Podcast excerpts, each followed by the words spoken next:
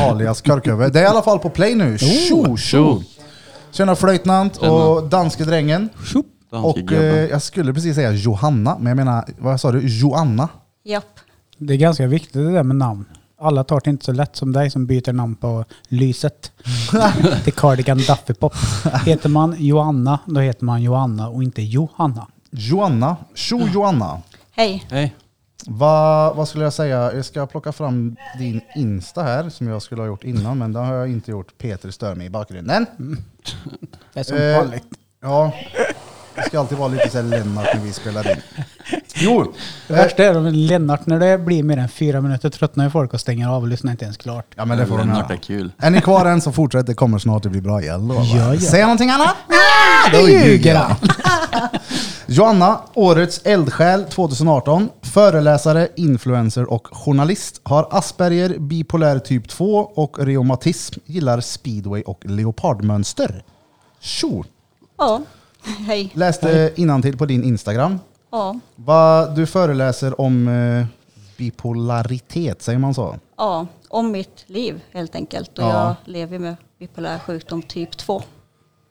All right. Vad betyder typ 2? Alltså det, van, alltså det finns flera typer men det vanligaste är typ 1 och typ 2. Ja. Eh, och den största skillnaden är att vid typ 1 har man riktig manier. Ja. Och vid typ 2 så har man det som kallas hypomani. Så man har inte lika hög manier. Och man har mer självinsikt och sjukdomsinsikt vid typ 2. Ja. Så vid typ 1 kan du liksom komma på att nu åker jag till månen och så åker du till månen fast att det inte går.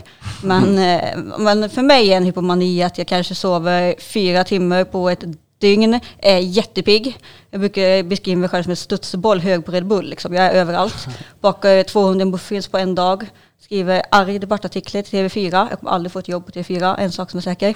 Eh, Det är bra, fuck om. söker jobb jag aldrig kommer få, är väldigt kreativ, ringer runt till telefonboken mitt i natten, är jättesocial, ingen vill prata med mig, jag förstår inte varför. eh, ja, så så är liksom en hypomani, man svävar iväg och är uppåt liksom. Som ADHD fast gånger 300. Ja, ja, ja. Men eh, vad skulle jag säga, vad, vad heter det, vart fan var han här då? Du, vänta. Då flikar jag in med en fråga. Ja, flik in där nu. När fick du reda på att du... Jag vill inte säga att du lider av det kanske, för det kanske ser det som en, som en fördel, men när fick du reda på dina bekymmer? Alltså jag eh, har ju kontakt, eller jag har haft kontakt med psykiatrin sedan jag var 12 år. Och då 12? bör, ja, så då började det ju med, ja men det var mobbning och utanförskap som också liksom ledde till depressioner och eh, självskadebeteende. Men det tog ända tills 2015 innan jag fick diagnosen. Så jag, Det hade, relativt nytt då? ja, så jag hade den i 12 år utan att veta om det. Och jag har varit med kontakt med psykiatrin hela tiden under alla de år. Fast ingen har liksom förstått. Så att, den- ja, fem år blir det väl det. Åh jävlar. Hur fan har man missat det då? Ja, det kan man ju fråga sig. Men jag tror att det är mycket fokus på Äh, att, man. Att man mår dåligt. Och man pratar om att man mår dåligt. Så, då, så vi har ju bara pratat om min depressioner. Hade någon liksom ställt frågan hur mår du när du mår bra så hade jag ju beskrivit det som jag precis beskrev för er. Och då kanske någon har förstått att jag kanske inte mår så jättebra när jag mår bra. Eh, så då blev jag, liksom, min mani försvann ju. Så därför liksom, för man fokuserar på det dåliga liksom. Eh, så därför missar man det. Och det är väldigt vanligt. Det är många som får diagnoser Alltså, alltså det bryter ut när man är 16, 15, 16 där, men man får diagnosen efter 18. Eh, för att psykiatrin missar det. Och det är väldigt vanligt. Och fan, med en sån här maniperiod då, hur länge, hur länge varar en sån? Det är väldigt olika, men eh, jag har haft väldigt lång för att psykiatrin också har mat med, med antidepressiv medicin. Och är man bipolär så ska man inte äta antidepressiv medicin för då blir man ju manisk. Eller de flesta blir det. Så de hade ju gett mig en mani genom mediciner. Så jag har haft väldigt lång och varit liksom speedad under flera år liksom. Och varit väldigt uppvärvad. Men det kan ju också vara liksom att det är någon månad, ibland är det kortare tid och sådär. Det är väldigt olika. Men om du sk- skulle generalisera då, just det ordet bipolär, för det har man ju hört ett par gånger. Mm. Jag, är- den- lider av bipolär, men vad är det för något? För den som inte vet. Det är ju det som tidigare kallades manodepressiv sjukdom och det är kanske en bättre beskrivning för att man pendlar ju mellan att vara manisk, deprimerad och som normen, alltså normal, eller det man kallar för normal. Eh, så man har ju liksom sån perioder under sitt liv. Alltså mitt liv är en stor berg och dalbana kan vi ju säga. Eh, och sen så kan, nu med mediciner så kan, så kan det liksom gå flera år utan att jag får ett skov. Just nu ser jag mig själv som ganska frisk. Eh, men ja, det är synd att det tog så lång tid innan jag fick rätt hjälp. Mm. Det hade jag, jag printade ifrån din Instagram här förut där du hade skrivit att det, alltså bipolär och det var samma som manodepressiv. Jag hade ingen aning om det. Nej, de har ju bytt namn nu så nu heter det ju bipolär. Varför de har gjort det vet jag inte riktigt. Men Pet, Peter Andersson sitter där bredvid och skakar Ja. på huvudet. Boksmart, han, har, han visste. Ja, ja, det är klart. Nej, jag hade verkligen ingen aning.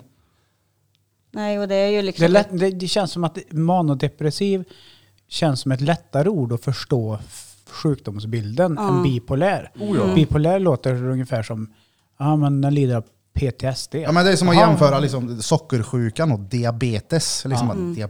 Fan är det? Vad är det för Ja, ord? precis. Bra jämförelse. Ja.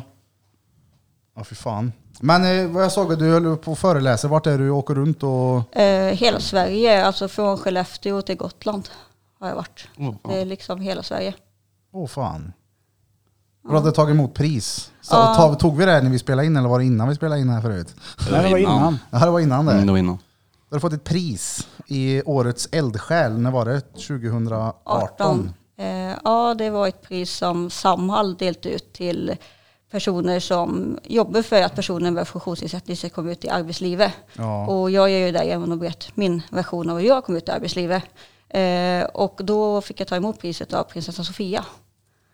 Fan. Så, ja, och sen så det ännu sjuka var att sen... Men, vänta nu innan. Prinsessan Sofia, för de som inte vet, vem är hon? Hon- Är, det en, är hon syster till kronprinsessan Victoria eller vem är hon? Hon är gift med Carl Philip. Eller jag vet inte om, är de gift? Ja, det är de kanske. Ah, Gamla slitsbruden alltså? Ja. Ja, ja, ja, ja. Hon med framtänderna. Japp. Ja, Och med tänderna. hon med tänderna.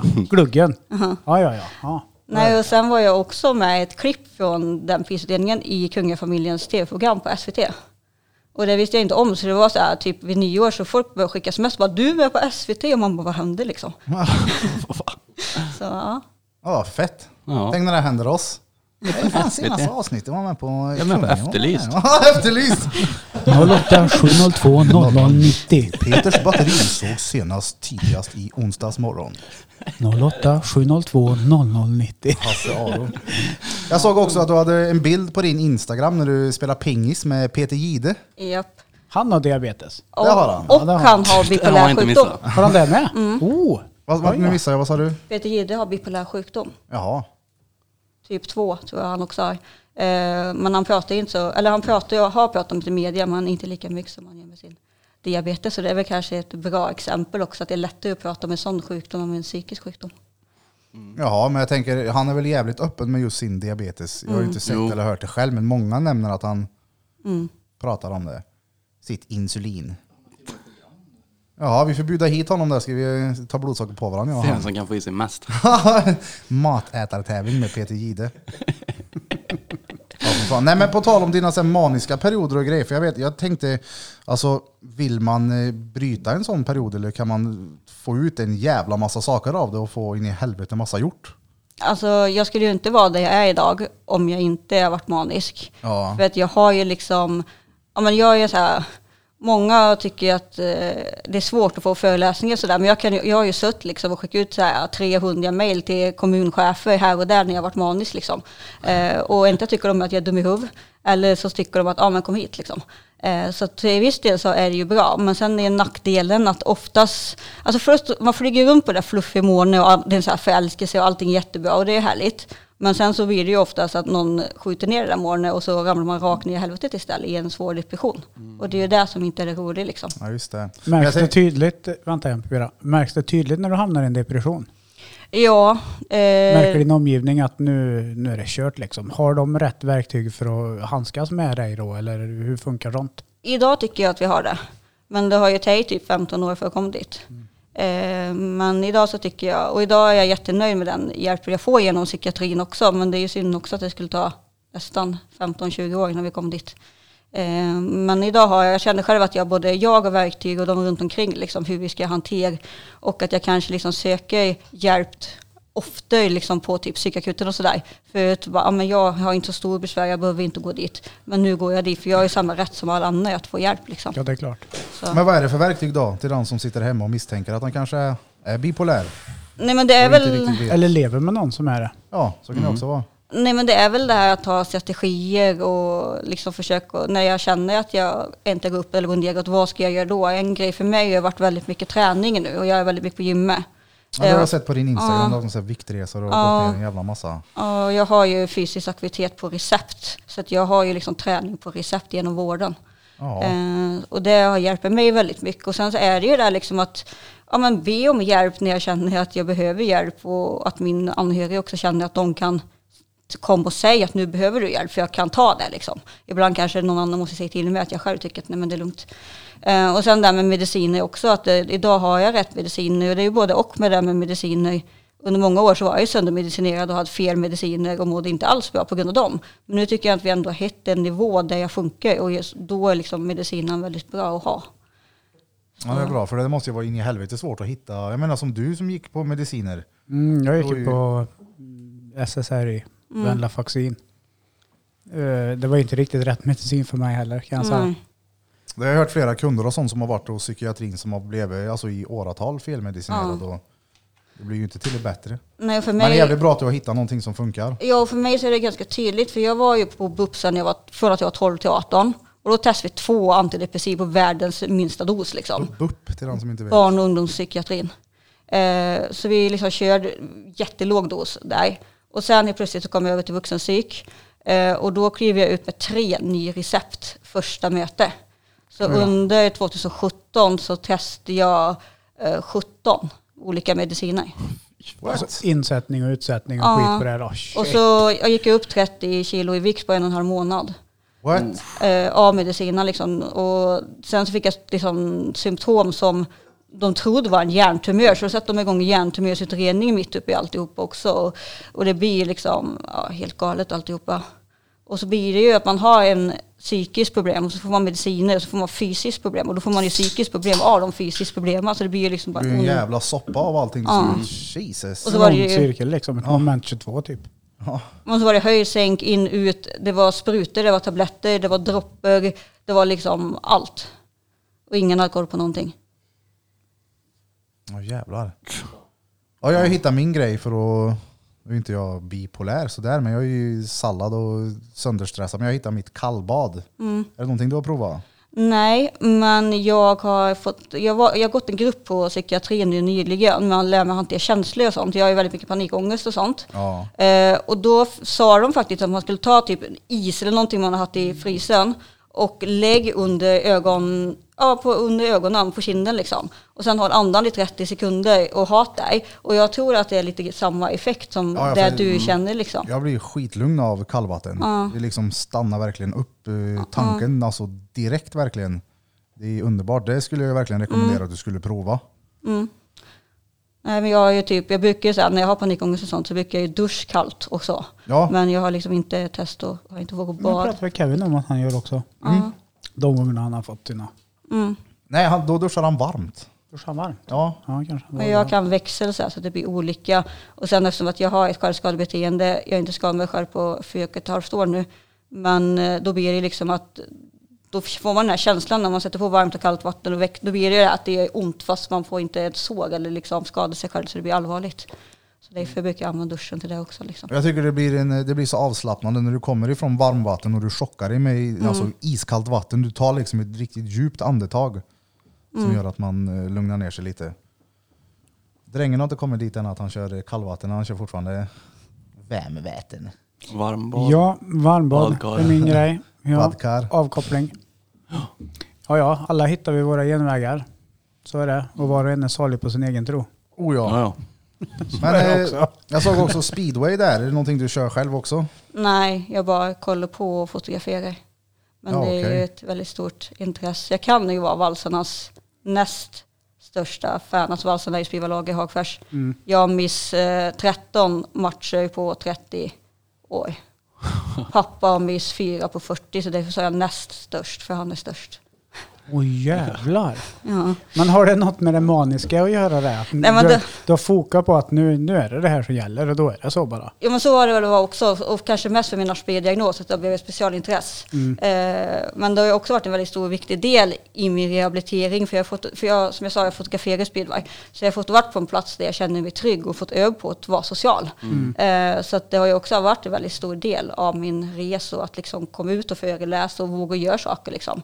Eh, för att jag har ju alltid varit en snäll, tyst och blyg liten tjej som inte vågar ta så stor plats.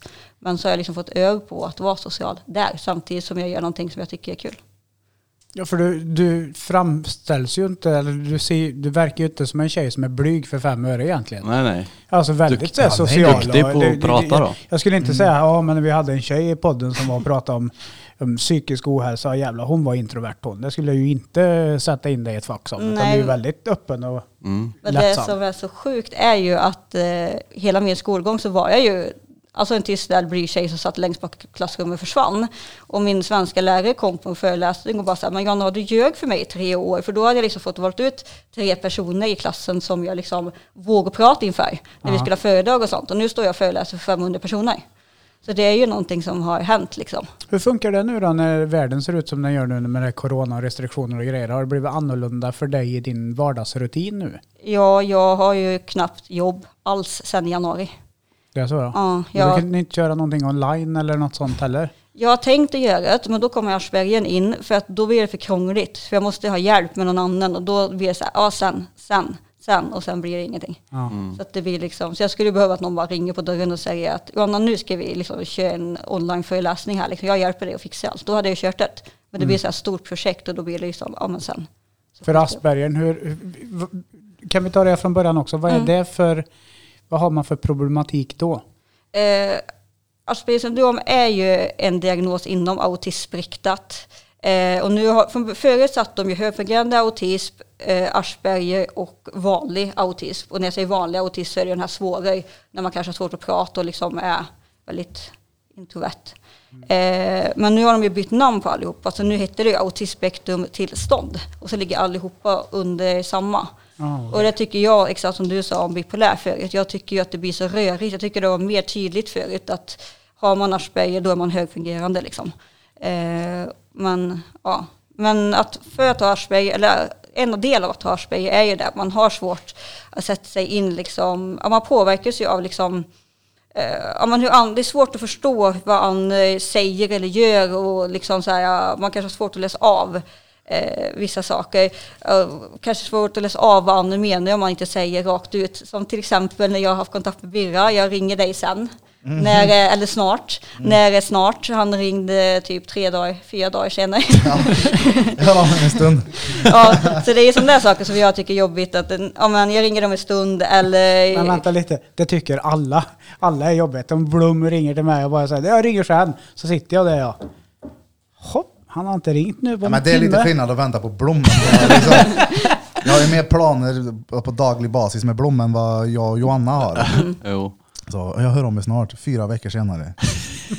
Kommer utanför dörren. Köpte en badbulle och försvann. Ja, Ja men fortsätt, ursäkta att jag avbröt. Nej, så det är liksom det. Vi använder ju många konstiga begrepp som vi inte riktigt förstår själva vad de betyder. Att om en stund eller några texter eller den här vi ses vid McDonalds. Om någon säger till mig på måndag att på fredag ses vi vid McDonalds, då går jag runt hela veckan så här bara, ja men tänk om jag står utanför och då står personen innanför och då missar vi varandra. Eller så står jag innanför och så står personen utanför och då missar vi också varandra. Alltså så här, jag går runt och nojar och älter saker i huvudet hela tiden. Helt i onödan. Men det måste ta en jävla energi det. Det gör ju det. Så därför så har det ju varit bra att du har gjort så här för att nu har jag fått över på att inte få ett utbrott på dig. Utan, ja, det var. Nej, jag har ju känt, det känns ju som att jag känner ner lite grann för att Du jag lyssnar. du ska få diskutera lite med Peter sen så ska du få Ja. ordentlig övning. För det är mental träning. Ja, det är det. Nej men så som du sa, med, det tycker jag många Mm. alltså, fungerar på det här sättet med att jag säger, ja, men du kan du gå och hämta ett paket, det är utanför dörren. Mm. Och då måste jag liksom beskriva hela jävla processen, hämta paketet, bär ner det, ställ in det i hyllan, flytta ut och gör. Mm. Hämta inte bara och ställ det innanför dörren. Mm. Och, sen, Som är självklart för en annan att eh, mm. och sen det här att det kan vara stressigt att göra någonting nytt och någonting så ovant som nu är han med som en trygghet idag, eh, Andreas i rullstolen.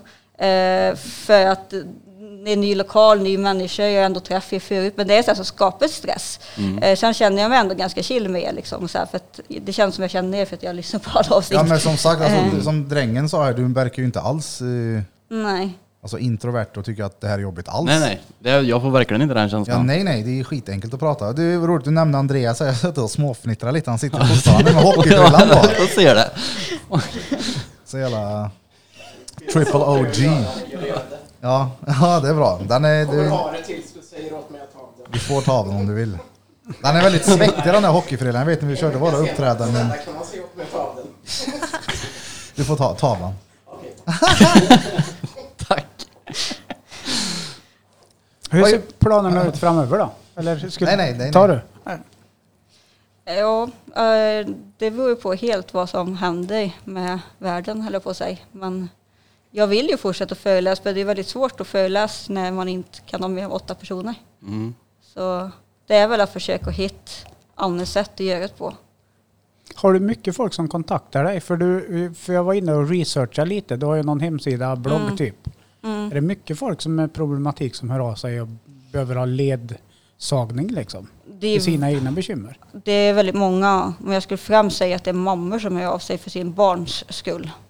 Eh, och att de liksom både känner, både ställer frågor men också bara säger att tack för att du liksom berättar för omvärlden hur det är och för att ge hopp liksom för våra familj att det faktiskt kan gå bli bra igen. Så Och hemsidaadressen är eh, jo, joannahalvardsson.se Halvardsson. Ja. Yes. Men som du sa, alla Valsarnas fan number two. alla de här åren på psykiatrin och sånt som har varit fel och felmedicinerad och sånt. Vad kunde ha gått annorlunda? Hur hade du sett att du skulle ha varit istället? Nej, men jag önskar väl att jag hade fått mer KBT-terapi och hjälp med mitt självskadebeteende tidigare. För det tog ju 15 år och en speedwayförare för att få bort mitt självskadebeteende. Och det klarar inte psykiatri, men han lyckades få bort det. Så att, Alltså eh, 15 år är in i helvete länge. ja.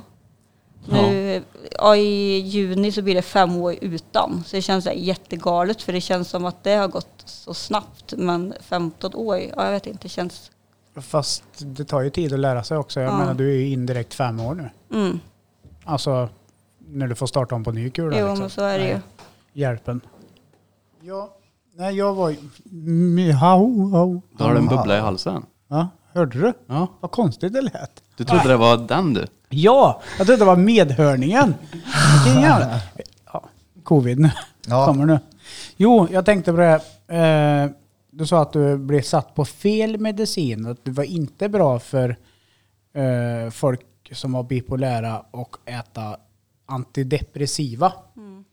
Vad är det som sker med kroppen och varför funkar inte det bra? För du är ju ändå, det är ju manodepressivitet måste ju ändå antidepressiva funka till. Det hjälper ju, och det, vissa kan ätet, men jag kan inte det.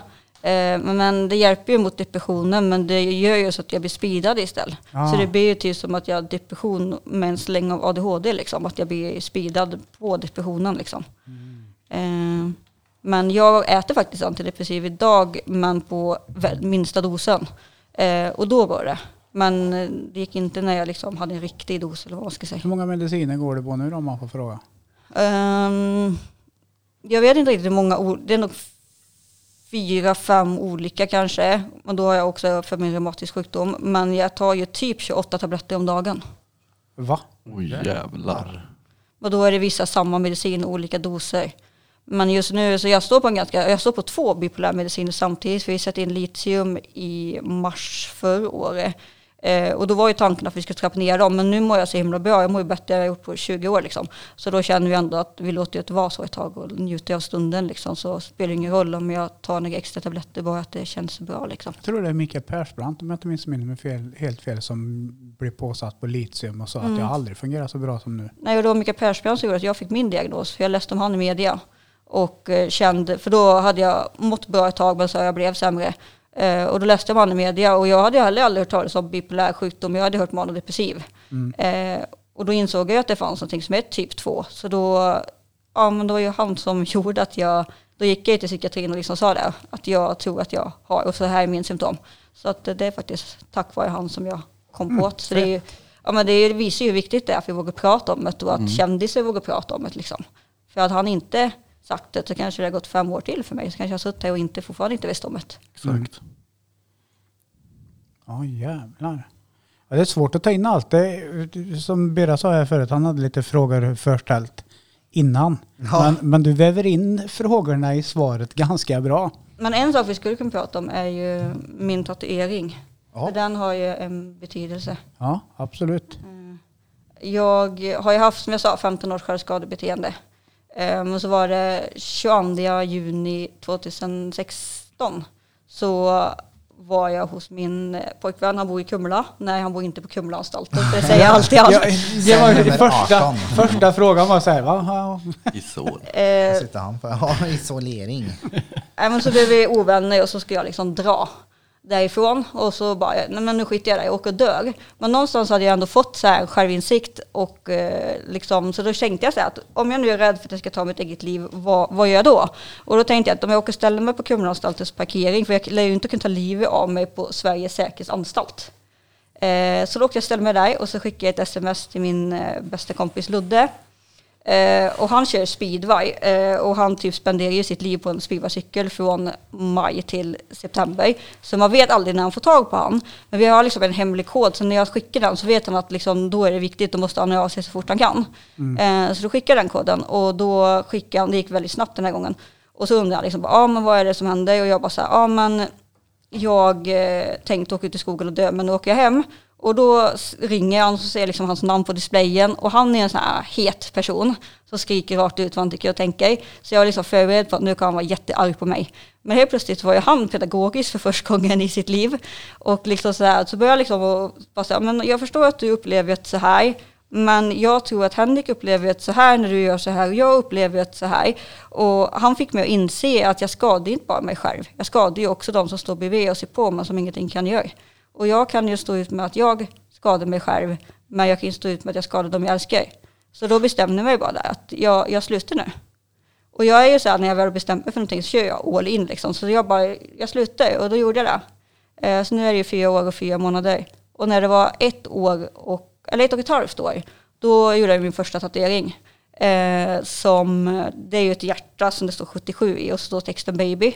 Och baby är ju han vi har pratat om förut, min katt. Eh, och hjärtat står för min familj. Och 77 står ju för att Luddes ingenjaler är LL, upp, upp och ner med de 77.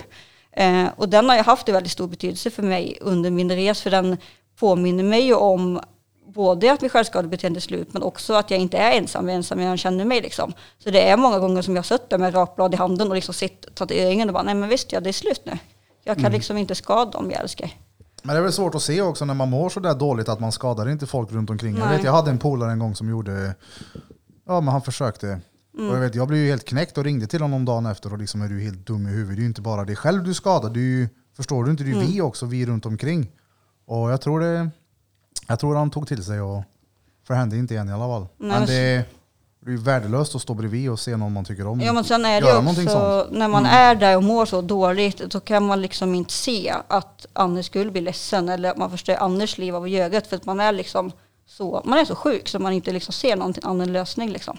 Så att det är svårt också, alltså jag vet personer som blir arg på mig, men det är liksom, det är svårt att, ja, jag tror det är svårt att förstå om man inte har varit där själv. Verkligen. Vad, vad har du för fritidsintressen förutom att vara fokuserad på att fungera liksom? Eh, just nu så är det väldigt mycket träning. Eh, för att jag, alltså när corona kom så kände jag att jag måste göra någonting och få min struktur och min rutin i alla fall, även om jag inte har något jobb. Så då har det blivit väldigt mycket träning. Eh, sen är det ju väldigt mycket tid hem med min katt, sociala medier, speedway, väldigt mycket. Men det jag är ju så här att jag har ju fotografering och sådär, men jag är oftast att jag börjar med någonting och kör någonting all in. Eh, sen tycker jag det är tråkigt och så börjar jag med en ny grej. Och jag är så här väldigt kreativ och så. Jag har typ eh, ja, byggt massa pärlplattor. Nej men då var det tråkigt. Ja, du bakar 200 muffins på en dag. Så här var det tråkigt. Så att det är så att jag växlar och går all in och växlar liksom. Ja, men det, jag känner igen det här i många av mina vänner. Ja. Jag Alltså, känner igen dig i dig. Jag tänkte, jag tänkte det så här, 100% all in i något tills det tröttnar och sen kör man något annat. Ja, ja, ja absolut, ja, men det har ju inte varit korta perioder heller med de grejerna jag snöar in i, typ som tatuering. Det, är ju, det snöar jag in i all in. Och sen den här grejen nu också, det är ju, det är ju inget sånt här två månaders projekt utan jag har ju planer och idéer vad jag vill göra med det. Men jag stämmer ju in i mycket av eh, så här. Och sen är det ju många konstnärer, för det måste ju ni ändå riktas till. Ja. Eller kreativa personer som har diagnoser, för annars skulle de ju inte orka göra eller håll fokus liksom och gör det man gör och het, alltså gör ny musik och nytt sånt. Ja, men jag tänker, jag hade ju inte, eller ett vanligt Svensson-jobb då, det, det klarar man heller inte utan en diagnos eller? Nej, det tror jag inte. Varför kollar du på mig? Nej men Jag jag får bara... fan jobba natt i för 18 jag tänkte, år. nej, men nej, nej, du har diskuterat, Blom sitter ju tyst nu han, så jag tänkte, ja. ja men eh, förstår du jag tänker? Blom har ju ett vanligt Svenssonjobb. Det är han du Ja, ska ja. titta på. Ja det har han, och han är ju också fullproppad i diagnoser, fast de är inte på papper än.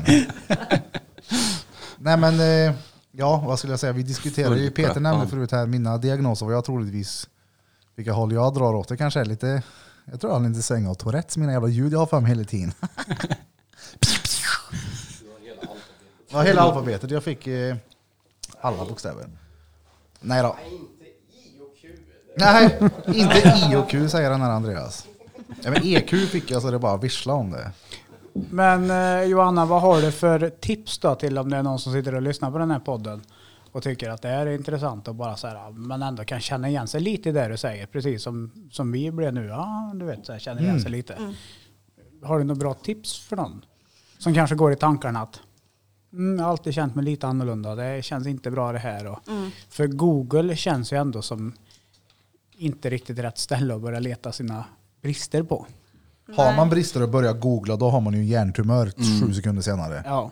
Men det sa psykiatrin till mig när jag fick min bipolär diagnos och frågade har ni någon, liksom, någon alltså broschyr eller någonting som jag kan lämna till min anhöriga och de bara Google. Så att, eh, Google. Men det kanske är det då? Och googla. ja, men, Göra en bra broschyr. Ett, en Ja. sån här typ Windows for Dummies. s- Sånt för folk med olika typer av diagnoser. Alltså kom ihåg vart ni hörde det Alltså tittar han på mig nu? Nej, nej, nej, men, nej, men jag, jag kollar på er Ja, båda ja. två. Men det kanske vi skulle göra en. Drottninggatans A och O, hur du hanterar folk med den här diagnosen. Så är som en barnbok, vet du. Enkelt att förstå. Ja, Peter får eh, forska i det här. Alltså, vi eh, Ja, Det får vi pluggar göra. ändå till det. Vi ska göra en bok nu, Peter. jag pluggar till Downey. Nej men vad skulle jag säga? Vi, jag kommer att tänka på, att vi, alltså på tal om psykiatrin igen. Jag träffade ju, var ju hos en psykolog för många, många år sedan. Ett år efter farsan dog eller någonting. Livet var ju kaos. Polaren övertalar mig om att jag ska gå dit för att få ADHD-medicin. Och jag går dit och med inställning att jag vill ha medicin. Får liksom ett A4-papper, fyller i så negativt och bara går på allting. By, ger honom pappret och jag får så här koncerta på recept. Menar hur skevt är inte det? Så enkelt fick jag medicin. Jag fick ju alltså sjukaste panikångesten på den där jävla grejen. Jag menar så jävla enkelt. Hur många gånger var det? Nej, jag tog den faktiskt inte i näsan. Det var... Jag åt den. Det var små kapslar. Nej, jag på riktigt utta ju gnöll i näsan där. nej, nej, men det skapar ju vansinniga jävla... Jag vaknar mitt i nätterna hit och dit. Och jag menar, tänk om jag hade fortsatt med det där och börjat med en medicin för att bota bieffekten på den. Och sen det är ju en jävla soppa det där om man verkligen så här. Jag har ju svårt att...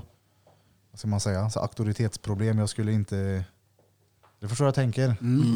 Jag bara, nej nej, funkar det inte det är då nog skiter lätt jag i att det skenar iväg. Men det är väl ofta så eller? Att man, när man slutar med en medicin så måste man få en ny? Väl, ganska ofta eller?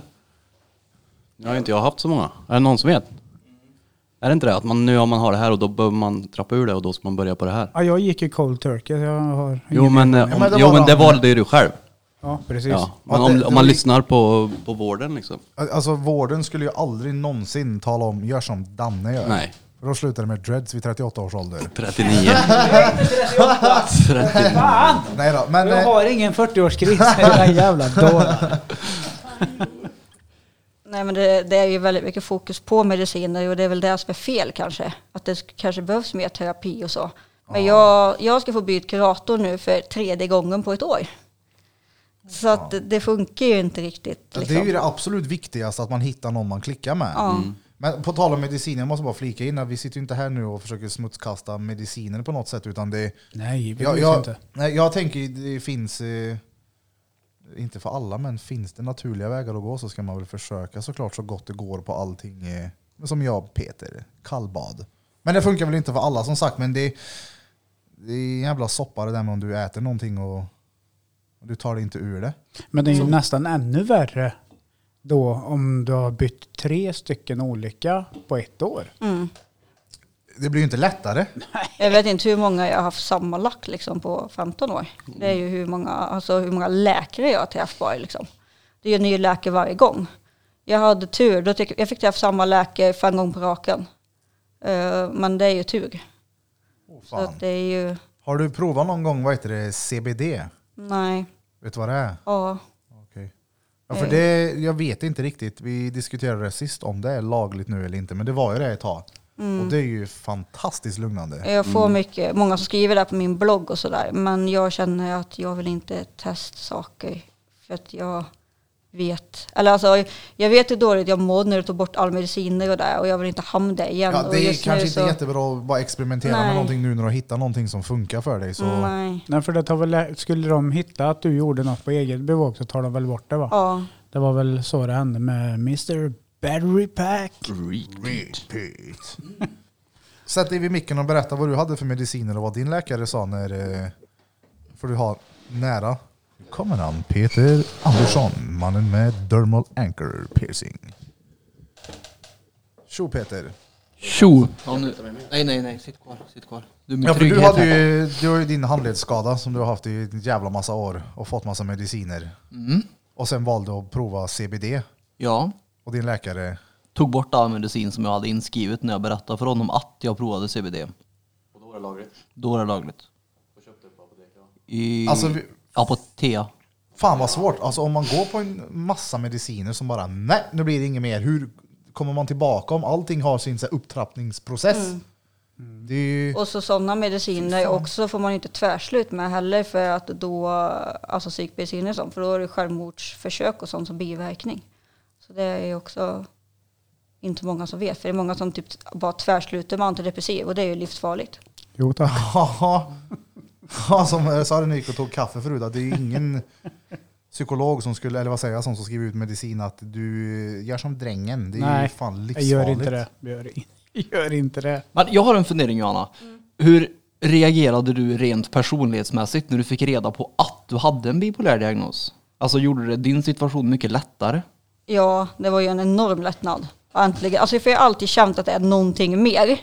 Men jag har ju liksom lätt och inte riktigt hett vad. Jag har ju tyckt att det kanske stämmer lite grann på ADHD. Och det kanske stämmer lite grann på typ borderline. Eh, bipolär hade jag inte tänkt på eftersom att jag bara visste att det fanns en cert och jag var ju inte manisk på riktigt liksom. Så det var ju en jättestor lättnad och sen var det framför allt, jag var ju i ett förhållande då som var kaos på grund av mig, för det gick inte att leva ihop med mig. Så det var ju också liksom en sån grej att, för det är ju inte roligt att vara den här jobbiga personen som ingen orkar med liksom. Det förstör ju relationer och sådär, så att det är ju, så det var ju väldigt viktigt att jag fick min diagnos när jag fick den. Och det, det är ju så sjukt, det är en sjuk historia det också för att eh, jag hade blivit utslussad från psykiatrin då, typ två år tidigare, för de tyckte att jag var frisk. Eh, och då hade de ju tagit bort en medicin som jag hade haft mot psykoser, som också är medicin mot bipolär sjukdom. Men de visste ju inte om att jag har bipolär sjukdom, så då tyckte man nu har inte du haft psykoser på fem år, så nu tar vi bort den medicinen. Så de tog bort den medicinen och så gav de mig antidepressiv, för jag har ju alltid varit lite deprimerad. Men det ska man ju inte ge till personer med bipolär sjukdom. Så tekniskt sett så slängde de ut mig från psykiatrin, tyckte att nu får du inga mer samtalskontakter. Eh, de tog bort bipolärmedicinen som de inte visste om att jag hade. Eller som de inte visste att jag hade bipolär sjukdom, den medicinen. Eh, och sen så satte de in en antidepressiv så jag blev manisk. Så det gick ju två år. Eh, och jag förstår ju inte själv hur det kan gå två år innan det kraschar ihop liksom. Eh, så det gick ju sakta men säkert utför. Eh, och då ringde jag ju inte själv, eller då när jag skulle bli utslussad så frågade jag dem så här, men vad hände den dagen jag mår dåligt igen? För jag har mått dåligt igen, alltså jag har mått dåligt hela, ja, nästan hela mitt liv, halva mitt liv i alla fall. Och de bara, men det är lugnt, det är bara att du ringer. Jag bara, men det är ju tre månaders väntetid. Och de bara, nej men det är lugnt. Sen kom ju den dagen då, 2015, när jag ringer och säger att jag måste få någon att prata med. Då tyckte de att, nej men det är tre månaders väntetid här. Ring eh, psykakuten. Så då ringde jag psykakuten, men de tyckte att men du är för frisk för att komma hit. Så ring öppenvården. Så då, efter att jag ringt fem gånger till varje ställ så tyckte en sköterska på öppenvården, ringer kyrkan. Så då ringde jag kyrkan, men de vill ju inte ha med mig att göra när jag sitter och säger att jag har åtta självmordsförsök och 15 års självskadebeteende i bagaget. Så då slutade faktiskt med att jag tog, eh, försökte ta livet av mig för min nionde gång. Och det var, för mig är det inget självmordsförsök, utan det var ett desperat rop på hjälp som tyvärr funk. Eh, idag så skulle jag, eller jag gjorde det för ett år sedan, då åkte jag bara, för då dippade jag igen, då bara åkte jag till psykakuten och satte mig där och gick inte ifrån förrän de hjälpte mig, för jag har ju rätt till att få hjälp. Det är ju, jag är ju glad för att jag inte har men efter min eh, nio överdoser som jag har tagit. Eh, så, det var ju, så därför var det ju väldigt viktigt för mig att få min eh, medicin och rätt diagnos då. För att hade jag inte fått det då så hade jag nog inte suttit här idag. Åh jävlar. Ja, Då förstår jag att du inte laborerar bort det med att självmedicinera. Nej, och sen är det ju... Ganska Ja, mycket nej, nej, den som står på är- spel nu när vi har fått Ja. höra det här. Ja. Så är det shit. Och sen är det ju en del av bipolär sjukdom är ju att man är, ja men det är ju en beroendesjukdom. Så många får ju ett, eh, man ska ha ett kriterie, att man har vårdslöshet till alkohol och droger, pengar eller sex. Eh, För att få diagnosen. Så det är ju, Vä- vä- vä- Vänta lite nu. Sex, det är all, intresserar alltid mig. För att få Det är för att du aldrig får ligga det Daniel. bipolär sjukdom. Så ett av kriterierna är att du ska ha vårdslöshet. Så det är ju en beroendesjukdom. Men om Många- jag är beroende av sex, skulle jag kunna ha den här problematiken då? Det är väl snarare om du har sex som självskadebeteende till exempel. Typ Ja. så. Ja, Eller liksom ja, yes. missbruk, alltså vårdslöshet, att du missbrukar sex på något sätt. Skulle jag säga. Det kan man inte riktigt säga att du gör va? Det vet man aldrig. Missbrukar min softis. Missbrukar de där Tenga-äggen. Nej, fy fan. Det luktar gummi i hela trappuppgången när du kommer här förut. Det är mitt hår. Ja. Nej, Jo, men, ja, men till, tillbaka där. Vad, vad är ditt bästa tips då för de som känner sig annorlunda? Nej men det är väl att ta kontakt med, har man kontakt med psykiatrin så är det ju smidigast att ta genom dem. Men annars är det ju vårdcentralen man går igenom, tror jag. Eh, så det är ju liksom att ta kontakt och säga att man vill ha en, en utredning eller hjälp. Inte vara rädd för att be om hjälp. Nej, enkelt. men det är ju liksom, jag tycker att vi måste våga prata om diagnoser och psykisk, ohälsa, för annars kommer det aldrig bli okej. Om man slutar prata om det så blir det ju tabu. Eh, Jag vill säga här eh, efteråt att jag hade min den där, jag var på psykiatrin och fick den här medicinen som fick mig att få panikångest. Då träffade jag en, eh, en coach, så healing coach, lite som din morsa pysslar med. Eh, snacka med Danne, för er som inte ser. Eh, hon gjorde alltså hypnoser på mig och tog ner mig i ja, hypnos. Och jag var där ganska många gånger och det funkar verkligen som fan på mig. Jo, hon tog ner mig i något sån här riktigt avslappnat mode. Jag låg och skulle berätta vad jag såg. Sen väcker upp mig och så ställer hon massa frågor om det jag hade sett. Och jag lärde mig jävligt mycket av att gå och få de här hypnoserna. Hon förklarar liksom att huvudet är lite som en dator, att du har en jävla massa skit. Har du underliggande grejer, så trauman eller skit sen du är kid, så kan du komma åt det via hypnos. Och det funkar verkligen för mig. Ja, men så var det också i mitt fall, för jag har ju också trauman. Jag har bland annat varit med om ett sexuellt övergrepp i skolan av en skolpersonal. Eh, så det var det ju heller ingen som tyckte att jag behövde prata om på tio år. Förrän jag själv typ tyckte att jag behövde. Och det är klart att om man har ett trauma som går, ligger i botten så blir det ju lite svårare liksom. Var det skolan som hyschade ner det eller? Det var både skolan och barnpsykiatrin och sen har bara vuxenpsyk tagit över det sen när jag blev vuxen så ingen har tyckt liksom att det är någonting jag behöver prata om. Det låter ju helt sinnesrubbat. Det gör det verkligen. Det är väl det första man ska göra, prata om det och... Alltså att jag pratar ju inte. Och sen gjorde vi ju en deal också, eller min förälder var det mest för jag var ju ett barn. Men att vi inte skulle prata om att det var ta för sig en liten stad liksom. Men han har ju ändå gått runt och bett sin version i typ 12 år nu. Fast hans version stämmer ju inte alls ihop med domen liksom. Så för han är dömd. Så att eh, då blir det ju också det här liksom en jobbig grej. Att man liksom, ja, all vet allt om mig men hälften är ju sant liksom. Och det är väl därför jag också vill göra det jag gör idag, att jag föreläser så för att jag vill berätta min version av alltihopa. Mm. Och sen stötta andra som sitter i samma sits. Ja, visa att det kan bli bra. Och att, om att en diagnos inte behöver vara ett hinder kan det också bli en styrka. För det är ju ett levande bevis på att jag liksom har hett min bra saker. Ja, men det är ju en helvete styrka och en tillgång som du säger. Du sitter uppe på nätten och skickar en jävla massa mail och du gör det och dolar och grejer. Det är vanligt folk kanske inte hade gjort 5% av det där. Och sen nu söker jag ju jobb på i alla fall 25 procent bara för att eh, jag inte kan köra mitt eget. Eh, och det, jag är ju en arbetsgivardröm liksom. Om, bara, om jag får chansen att komma dit så är jag ju liksom, jag är ju så här jätteplikttrogen, ger 200 procent hela tiden och liksom så här, men det handlar ju om att rätt person ska förstå det liksom. Ja. Hoppas att någon lyssnar på det här nu och bara den där jäveln, hon ska vi ha. Oh, Kan det sitta och är mejla åt mig. Och. Ja, ja. Jag kommer ta Krilles plats här sen vid poddbordet. Nu är det jävla, ska vi spotta ut content så det bara visslar om det från Drottninggatan podcast. Fett ju. Är det något du känner att du vill ta upp mer? Själv? Inte bara vi som ställer frågorna. Jag vad, vill vad har du för utbildning? Journalistiken vill jag höra om. Ja, för det var den som du jag hörde något på ett halvt öra förut. Peter säger att mina dreads är i vägen.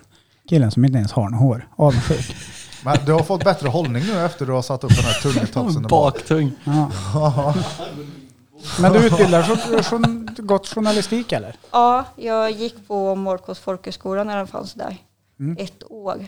Och det är ju också så här, jag skulle aldrig klara att plugga på universitetet för jag skulle bli uttråkad liksom. Eh, den i Morcom var ju väldigt praktisk. Så ju, vi fick ju göra praktiska saker hela tiden och då funkar det ju mycket bättre liksom. Mm. Eh, så ja, det började ju med att jag liksom började jobba för olika så här, nättidningar. Jag skrev om speedway liksom, ide- ideellt liksom. Eh, gratis. Och sen så eh, började jag väl inse att jag tycker att det är kul att liksom leka speedway-journalist. Så då blev det liksom, ja, det blev att jag utbildade mig till journalist. Nu jobbar jag ju inte som ett egentligen, eller jag, jag frilansar ju lite grann. Men jag tycker ändå att det är, ja, men det är kul att lära sig liksom hur det funkar och liksom, jag tycker ändå att jag har nytta eftersom att jag oftast blir intervjuad av media ganska många gånger så har jag ändå nytta av utbildningen i alla fall. Ja, ja. Ja, du är en jävla klippa alltså. Fan. Ja, jävla driven. Ja, Som fan. verkligen. Oh ja. Alltså, ja, på tal om det så kom jag faktiskt på en sak. Eh, jag kan ju berätta om hur min sista månad i gymnasiet såg ut. Eh, för det är också så här typiskt exempel på när jag bestämde mig för någonting. Eh, jag och min förälder blev inkallade till rektorn när det var en månad kvar och fick information om att jag inte skulle få slutbetyg. Eh, av anledningen att jag har varit inlagd på psyk så mycket så att jag hade miss liksom. Och jag var inlagd på grund av saker som hänt i skolan så egentligen var det ju skolans fel. Och jag kan ju tycka att det är taskigt att de kommer så en månad innan när jag redan i sjuan låg efter liksom. Lite Eh, taskigt. Ja, men då är jag så att bara, nej men jag har ju bestämt mig för att jag ska ha slutbetyg i alla fall. Och de försökte så att, om Johanna det kommer, du får också springa ut som alla andra, men du får lite streck i ditt papper. Och man bara, ja men jag, jag ska ha mitt betyg liksom. Eh, och då var jag så här, jag ska lista på exakt vad jag ska göra. Och de bara, men det går ju inte, det finns inte 48 timmar på ett dygn. Jag bara, nej det skiter jag i, jag vill ha min lista i alla fall. Eh, så rektorn fick ge upp det till slut och så fick han samla ihop alla lärare och göra den där listan. Och när det var en timme kvar till slutbetyget jag skulle sätta så lämnade jag in sista uppgiften. Och jag, idag har jag ju slutbetyg från gymnasiet, fast att det är omöjligt. King. Och det är ju för... Ja, ja. Det var också. riktigt bra. Ja, I ansiktet på dem. Ja, men ja. det är ju liksom en sån grej att när jag vet exakt vad jag ska göra, då gör jag det. Och just då fanns det ju 48 timmar på ett dygn. Och alltså jag gjorde matteprov sju på morgonen, nio på kvällen, var in och gjorde lektioner. Jag hade inte en enda håltim, inte en enda lunch. Jag gick in och åt, sen ut och så in i ett klassrum liksom. Eh, och sen kollapsade jag ju, eller jag tog studenten på fredag och på måndag kollapsade jag liksom. Eh, och la in mig själv på psyk. Eh, och då tyck, undrade ju de så här, på psyk, men varför ringer du nu? Jag bara, nej men jag har en psykos. Och de bara, vadå psykos? När har du haft det? För jag har haft det tidigare. Eh, på grund av min trauman antagligen, tror de. Eh, och då tyckte jag så här, "Nej, men jag har haft det en månad. Och de bara, vadå en månad? Varför har du inte ringt tidigare? Nej men det gick ju inte, för jag skulle ta studenten med slutbetyg. Men nu har jag ett helt tommelår på mig, så nu kan du lägga in mig om du vill liksom. Ja, jag tid av psykos. Så, nej men det är också så här exempel på drivkrafter, liksom, när jag bestämmer mig för någonting så liksom, då går det fast det inte går. Mm. Vad många gånger har du varit inlagd? Eh, åtta gånger på två år. Som mest eller åtta gånger de sista två åren? Nej. Åt, alltså jag var inlagd åtta gånger under, mellan 2006 och 2008. Fy fan. Så att någon gång var, jag tror det var så längst över en månad och sen var det så här korta tider. Eller typ två veckor hit och dit. Och det tycker jag också är lite fel, för då var jag typ en 18-årig tjej med självskadebeteende som sätts ihop med missbrukare. Och det tycker inte jag riktigt är rätt Men ställt. sen så är det ju inte så jävla konstigt heller. Du säger att du hade varit med om det där övergreppet när du var liten och du Mm. fick inte prata om det. Jag menar, det känns som att någonstans måste det nästan resultera i att man på något sätt blir ja, men destruktiv. Mm. I, om du nu väljer att skada sig själv eller ta droger. Det är ju sinnessjukt att inte liksom få hjälp med en sån sak. Det är ju, Ja. det är ju vansinnigt. Nej, och det är väl tur att jag är en så stark person och har så bra självinsikt som jag har så att jag inte har testat droger. För det är liksom, jag har ju aldrig fått så mycket tips om droger som jag har fått när jag har suttit på psykiatrin på slutenvården liksom. Av andra som är där. Ja, jag tänkte bara, det kan ju inte vara personal. Nej, inte bara gå vara hem och personal. ta en istället. Ja jävlar. Så det blir ju så dumt när de sätter ihop liksom unga trasiga tjejer med typ sånt som verkar ha missbruksproblematik. Mm. Det blir konstigt. Men det är 18 är det skillnad på BUP och vuxen? Är det när man fyller 18 det? Mm, man blir ju vuxen när man fyller Ja, 18. och då hamnar man per automatik. Ja. Och då var det från, från att det var 16 till det var 18? 2006? Nej. Ja, ja, jag tror att det 2000. Ja, Hoppar men- du mellan BUP och vanliga då? Nej, jag var bara in på vuxen. Jag var inlagd på vux- Jag hade kontakt med BUP, men jag var inlagd på vuxenpsyk. Så det var ja, eller 2007 till 2009 kanske. I alla fall när jag blev 18 där tills två år framåt. Men sen på BUP så, där tycker jag att de var bättre. För att där var de ju mer, då fick de, de tog in hela familjen. Nu har jag inga syskon så det är bara jag, mamma och pappa.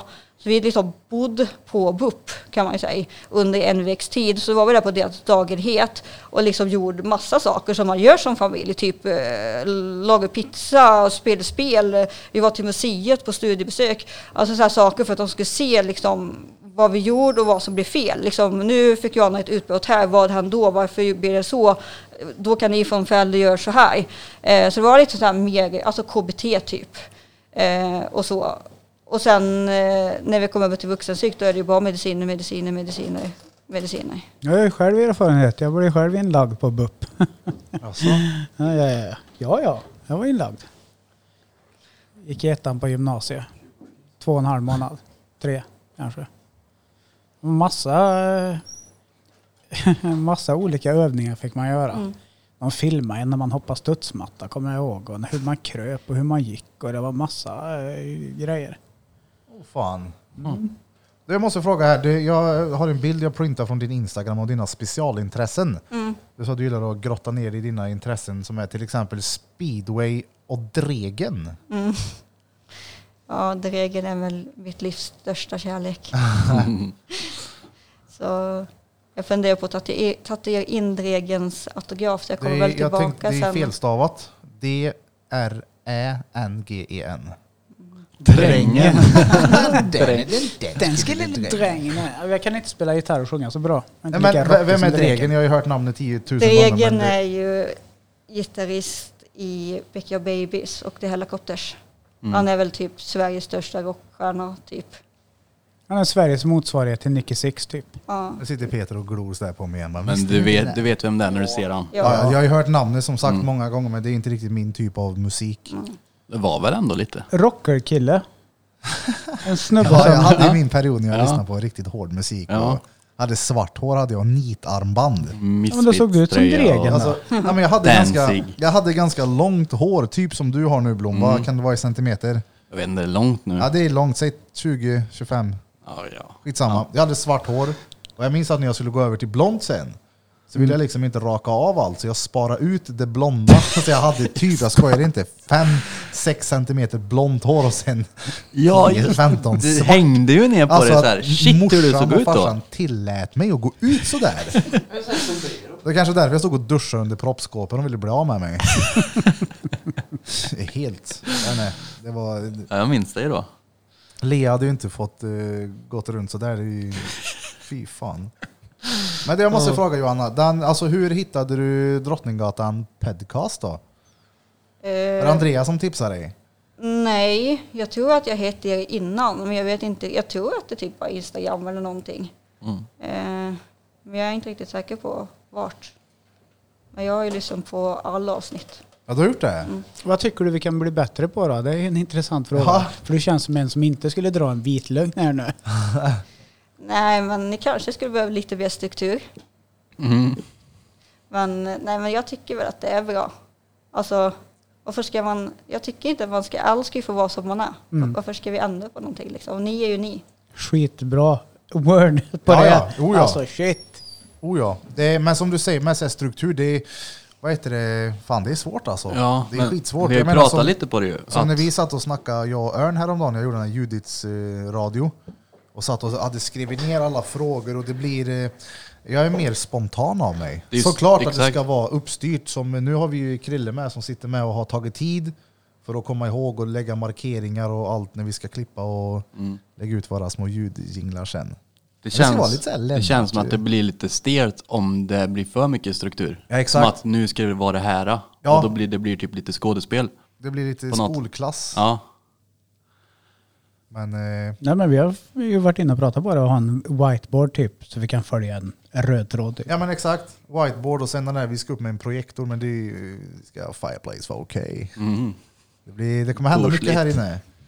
Det Sen mycket, tror jag det är viktigt också att man, nu avbröt jag dig, det var inte riktigt meningen, Nej, nej, nej. Men, men just det att vi inte avbryter varandra när, när man pratar. För det har vi ju tendens till att göra allihopa. ja, men det är lite så vi är också. Ja. Ja, ja. Det jag menar, har jag någonting viktigare att säga än vad Peter har så då kommer jag att om. Det är inte det. dretsvårt då.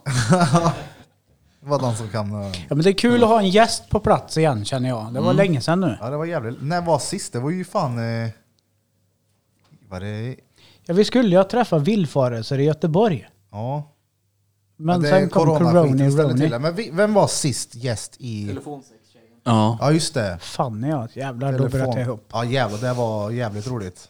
ja, det var Jag speciellt. lyssnade på det också. Mm, är det råtta som tjuter? Ja, det var...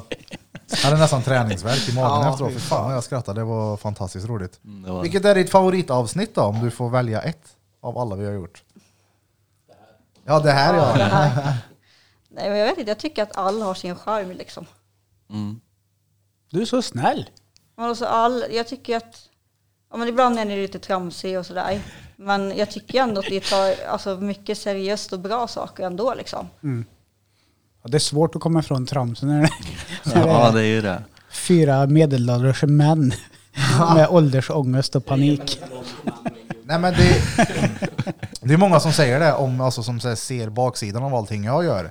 Att jag är jävligt eh, skämtsam med allting jag gör. Det är mycket rövhålsnack, men det är ju å andra sidan också blodigt jävla allvar i mycket också. Mm. Det är ju, jag menar poddgrejen, det är ju inte bara så här lall, utan det är fy fan kör den här nu. Det är, Ja. det är roligt. Ja. Får jag minnas så här, jag kanske har lite sväng av så här mani. Poddmani! Oh. Men En poddmanik har jag. en sak som slog mig nu under tiden Bera pratade var det att om du fick de här problematikerna med utanförskapet som är ganska vanligt nu för tiden. Eh, du är ändå i internetgenerationen också så du kanske inte hade vänner jättemycket i skolan vad jag förstår på dig. Höll dig för dig själv men även också hemma då. Hur ser din umgängeskrets ut nu? För jag, många bygger vi ju våra relationer hur vi blir lite som vuxna under, under gymnasietiden. Liksom. Vilka polare man får, hur man hänger och hur man umgås. Vi har ju jättebrett eh, umgängeskrets nu liksom. Har du mycket polare? Andreas är ju med han är ju våran sköne kille här. Han är, Ja. verkar vara en bra polare så att Ja. han får Men- hålla hårt i. Och vi bor ju typ grannar med varandra också. Fast Oh. Två olika hus. Ja, det är Nej, bra. Jag säger väl att jag har ganska, alltså jag har väldigt många sociala kontakter, men som du säger så är det väldigt mycket på sociala medier och sådär. Det är inte så många som jag, min närmaste vänner bor inte här liksom, utan de bor 15 mil bort, så det är väldigt mycket videosamtal och sådär. Eh, och sen så, men det är någonting som jag också har valt själv, känner jag lite grann. Nu skulle jag väl kanske kunna umgås med mer människor, men det är det när jag ska ha ett jobb, det är mycket intryck, det, är mycket, det tar mycket energi, eh, och då liksom har jag liksom inte tid eller ork med att vara social också. Så då tar jag ut det social när jag liksom är på jobb eller om man ska säga. Så det är det att det blir väldigt mycket ja, på dator, sociala medier och sådär. Så att, eh, men det har jag liksom valt själv och jag tycker ju att det är ganska skönt också. Det är inte att jag känner mig ensam liksom. Men ibland så kan man ju typ så här också känna att ja, det var kul om det var någon som kom och drog ut den ibland så man inte bara fastnade framför datorn. Men jag har ju alltid haft kompisar i skolan också, eller fram till högstadiet. Men jag har känt, alltså jag har haft kompisar runt omkring mig, så frågar mig min förälder så kommer de säga att jag blir mobbad för sjuan. Och jag tycker att jag blev utanför tidigare. Men att jag har haft kompisar runt omkring mig, men jag har liksom känt att jag passar inte in. Och jag är inte som dem liksom. Så jag har ju varit med fast jag inte har varit med. Johanna, hur är det? Och i, för Hagfors så är det ett liten stad, eller by eller vad man Det är säger. en stad. Hör. Ja, en, hård, en, sta, en stad är det. Eh, hu- hur är det? För jag kan anta att det finns inte så många olika högstadier. Nej, då fanns det ju en, eller ja, två om man räknar med den i Ekshärad. Men idag är det ju en stor skola där all går på samma. Liksom. Så vara utanför där det bara finns en skola måste också vara psykiskt påfrestande och inte veta att det finns någon man kan byta till. Ja, men så är det ju. Så det var ju Ja, från... vad fan gör man då? Vilken jävla sits. Det var precis det jag undrade. Ja, det är helt... Eh, men det slog mig, vad sjukt. Men det tyckte ju typ lärare och kuratorer och allt vad det nu var tyckte så här att när det var några månader kvar i nian så tyckte de att snart Johanna, snart får du börja gymnasiet, det blir nya kompisar, ny klass, allting kommer bli så himla bra. Alltså trodde de verkligen på det själv? För det är ju samma personer som börjar. Alltså det var ju en ny skol men det är ju samma personer som följer med. Det blir ju nya klasser men det är ju fortfarande samma personer på skolan. Så varför skulle det då bli bättre liksom? Kanske är lätt att bara skicka vidare problemet. Ja, men liksom bara slapp.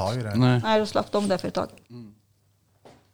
Ja, men det känns som att de har gjort det många gånger i ditt fall, att saker och ting har tagit så in i helvete lång tid. Du snackar 15 år och det... What? Nej men och bara skolan i sig och högstadiet är ju en bokbar där liksom för allt de har hittat på. Det är ju hur mycket konstigt som helst. De anställde till och med en konsult som skulle lösa eh, konflikten som de kallar det. Det är svårt att lösa en konflikt som inte fanns. Vi var ett tjejgäng, jag tyckte de var konstiga, de tyckte att jag var konstig och ingen förstod varför. Och då är det svårt att lösa någonting när, man inte, när det finns ingenting att lösa. Men då hade de ju så här massa, ja de anställde en konsult, en psykolog som skulle lösa situationen. Eh, men det är inte så lätt när liksom föräldrar sitter och säger att nej men nu hittar ni på, så är jag inte mitt barn. Mitt barn kan ju inte göra så här. Hur ska då 13-14-åriga tjejer förstå att de gör fel när liksom vuxen inte gör det? Och det är ju ett möte som jag minns eh, speciellt. Som man hade, det var två manliga rektorer med och en manlig psykolog som sitter på långsidan av ett så här långbord, typ som vi sitter nu. Eh, satt de sådär som ni. Och så satt jag på ena kortsidan och tjejgänget, fem tjejer på andra.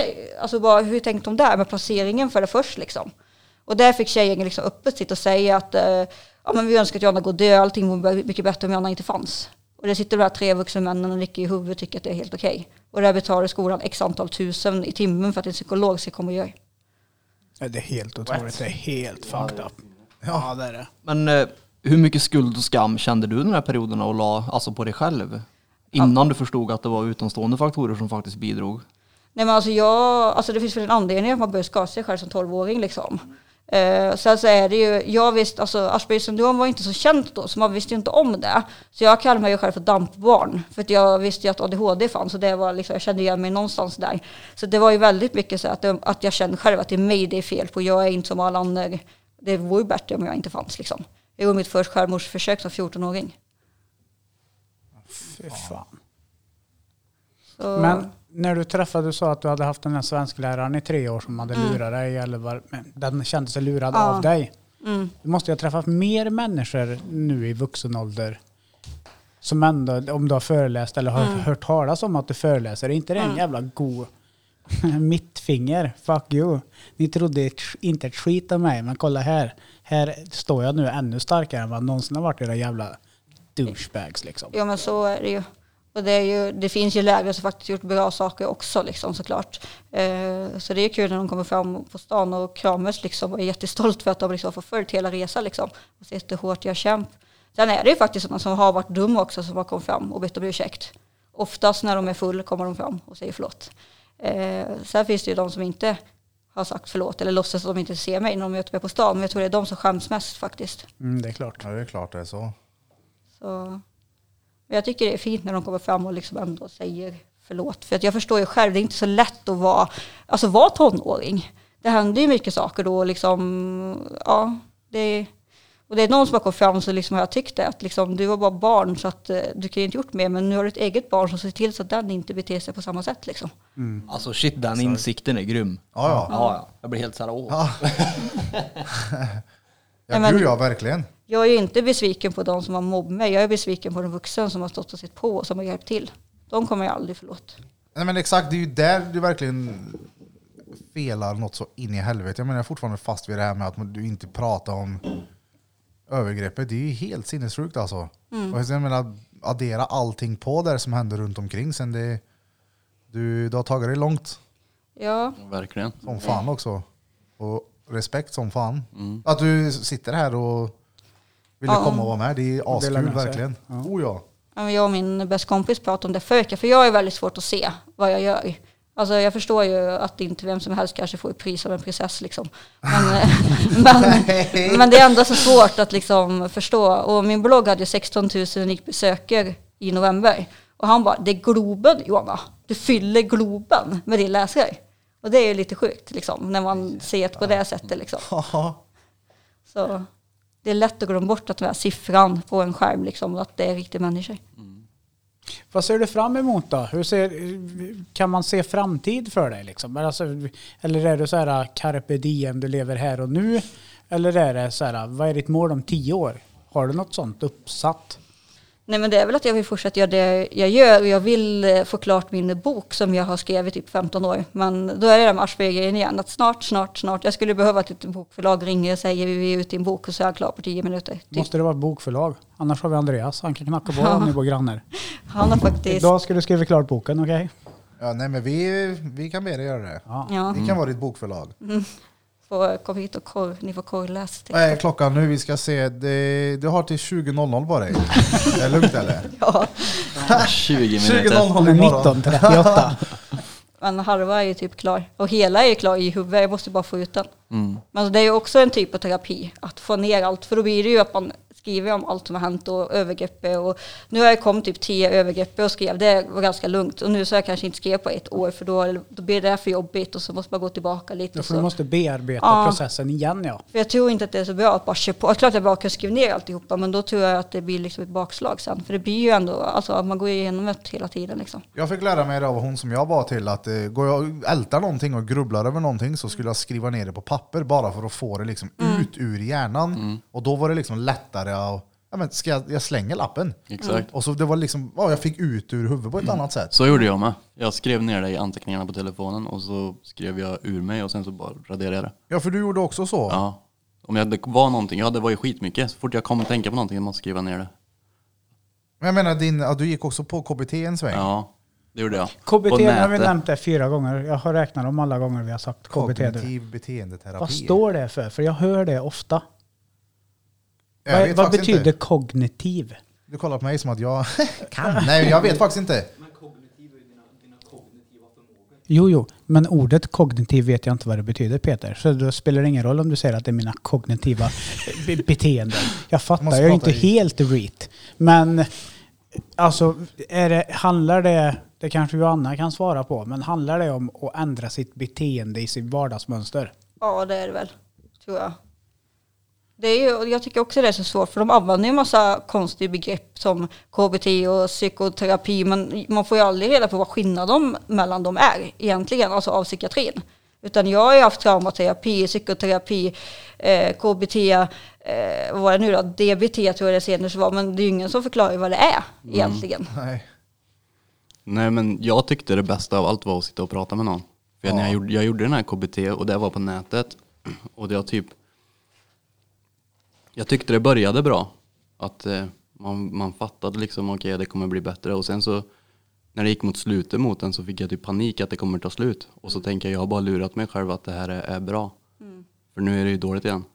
Men jag känner igen det där för att jag eh, har ju problem med att psykiatrin tycker att jag är frisk. Men hur kan man bli frisk från en psykisk sjukdom? Det blir man ju inte. Så de tycker ju efter ett tag att nu klarar ju du det själv. Och jag är där att jag är livrädd för att de ska lämna mig. Jag, är liksom så här, jag kommer typ binda fast mig i en stol här och går inte härifrån liksom. Eh, så det är ju det där, eh, alltså, ja, jag behöver verkligen någon att prata med men ibland så känns det som att de ser mig som en, jag åker ut och föreläser, jag klarar mig själv, jag gör så mycket och då tycker man liksom bort att jag har svårigheter ibland känns det som. Och så blir det bara så, ja men du kan väl prata med en kompis liksom. Ja fast det är ju inte riktigt Men det är nog svårt att se samma sak. också någon som är så jävla driven och har sånt in i helvete driv som du har. Och Mm. Shit, hon har nog skit i det här. Det är, men visst, och jobbar du med det så är det ju en annan sak såklart. Mm. Men som jag sa förut, alltså, du har levt med den där diagnosen i fem år nu eller något sa du va? Mm. Och det är ju, om du startar om, hypotetiskt sett, Mm. du startar om ditt liv för fem år sedan. Du måste ju lära dig att äta själv, gå själv, sova själv. Lära dig från början allting som Mm. du har missat de andra 15 åren. Så det är klart saker och ting tar tid liksom. Mm. Innan man blir självgående. Man kanske aldrig blir det. Helt. Nej. Man, Alltså, man behöver ju alltid ha någon. Såklart. Du kan inte bara vara helt själv ju. nej. Nej, men det är ju alltså, psykisk Ja. styrka, det är ju samma sak som alltså, fysisk styrka. Du kan ju inte gå och träna biceps en gång och tro att du ska ha pump i en månad. Du Nej. får ju upprätthålla det ständigt Mm. och träna skallen. Jag menar, det gör jag ju själv också, som den här kalldusch, kallbad. Och ja, det funkar för mig. Vad fan var det jag skulle fråga? Det var eh, Dannes hår. Nej jag skojar. Jag tycker att hans hår är snyggt för jag gillar män med långt hår och nu har du ju typ det. Jag kan släppa ut det för dig om du vill. Mm. Gör det. Ja, promo. Och så kan jag klia din rygg sen för det är väl du som gillar det. Oh, oh, hur visste du? Ja, det har du ja, jag blev helt överlycklig. Nej, det, jag skulle säga vad, Peter nämnde någonting här, alltså KBT, man ändrar eh, sitt vardagsmönster liksom. Det var ju lite det jag fick ut av att gå på alltså hypnos. Mm.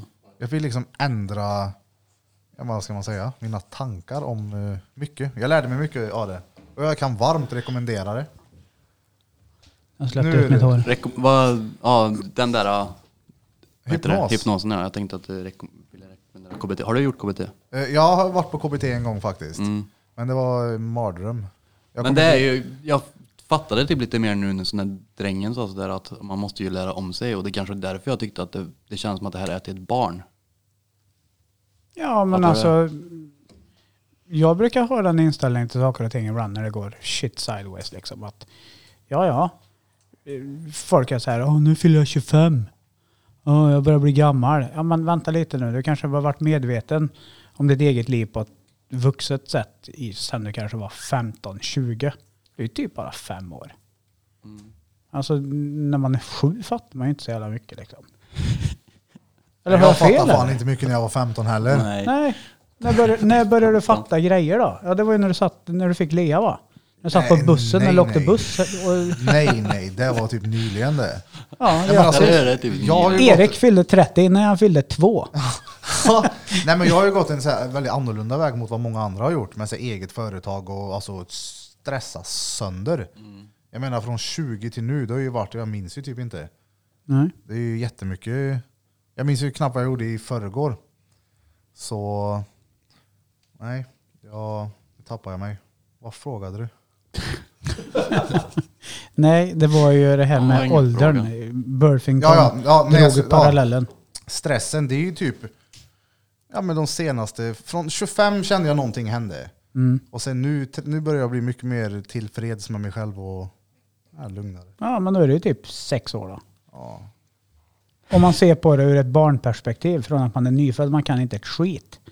När du är sex år, ja då tror du säkert du kan allt. Men det vet ju vi som äldre att när du är sex kan du inte klara det själv.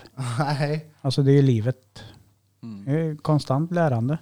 Den som säger att jag kan allt, jag är fullärd, den ljuger då. Då ljuger han!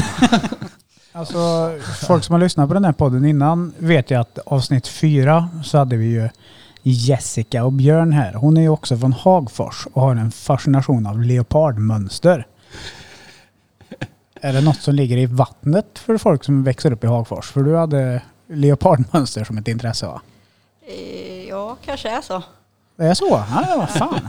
Jag tror att mitt eh, intresse för leopardmönster tror jag kommer från Dregen. Att han har leopardmönster intatuerat på sin överarm som ett band så här. Ja, ja. Jag tror det är det är därifrån det, klart det är kommer han. från början. Men jag har ju gått lite crazy, så min köksstol har leopardmönster. Eh, Min katt har leopardmönster, ett halsband. Alltså allt i min lägenhet är typ leopardmönster. Typ. Nej, Inte riktigt allt, men väldigt mycket leopardmönster. Så. Så nästa tatuering är ett leopardmönster? Nej, Ja, nej. Jag sa faktiskt det till, jag sa det till min kompis förra veckan liksom, att han bara tatuerar leopardmönster på hela kroppen när du ändå håller på. För du har ändå leopardmönstrade kläder på dig hela Ja, tiden. hela kroppen. Ja, Peter har ju leopardspets på sig när han sover. Nej, inte det? zebra. Ah, okej, zebra. Zebra. Zebrafink. Det är för att göra en hästsnopp som blom. Ah. Oh. Men på tal om häst, hästar och män och män. Jag kan inte låta bli att, att lägga märke till att har jag fel om jag tror att du har mer killkompisar än tjejkompisar? Nej, du har nog rätt.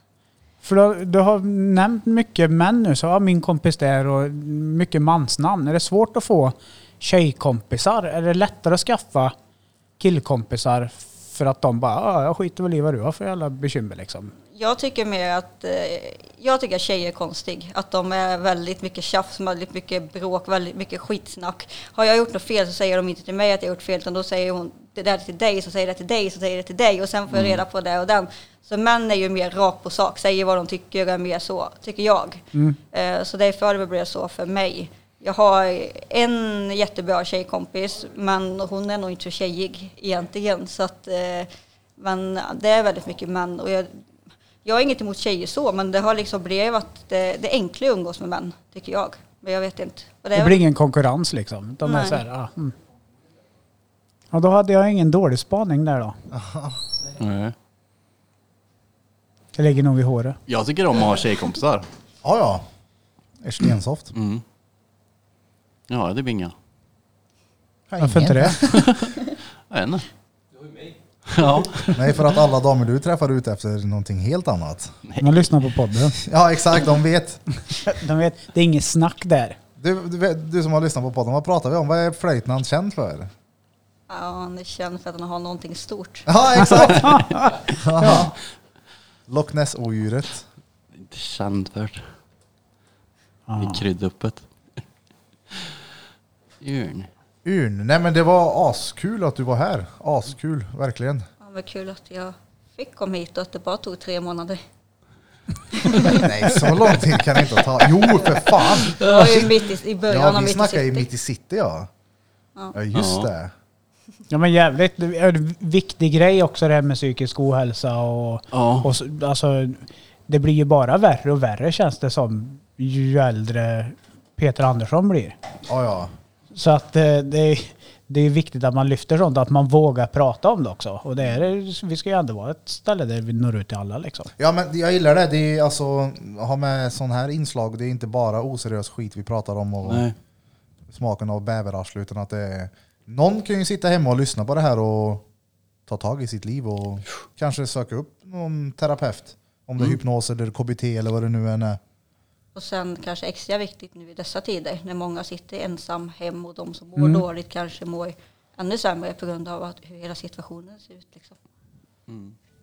Nu ringer mitt medicinlarm också. Ja men det blir ju en bra avslutning där på den här podden. Ringer en mat och sovklockan, nu måste Nu- hon gå hem. Nu är det efterfest här i poddstudion.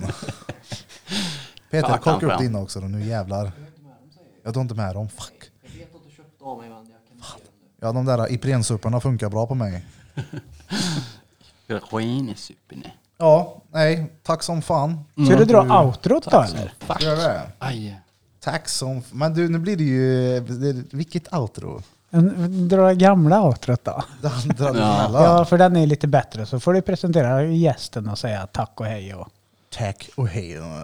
Droppa sin Instagram. Ja, det är bra. Ja, ja. Nej, Jag ska bara säga, den är ju efter den jävla skiten.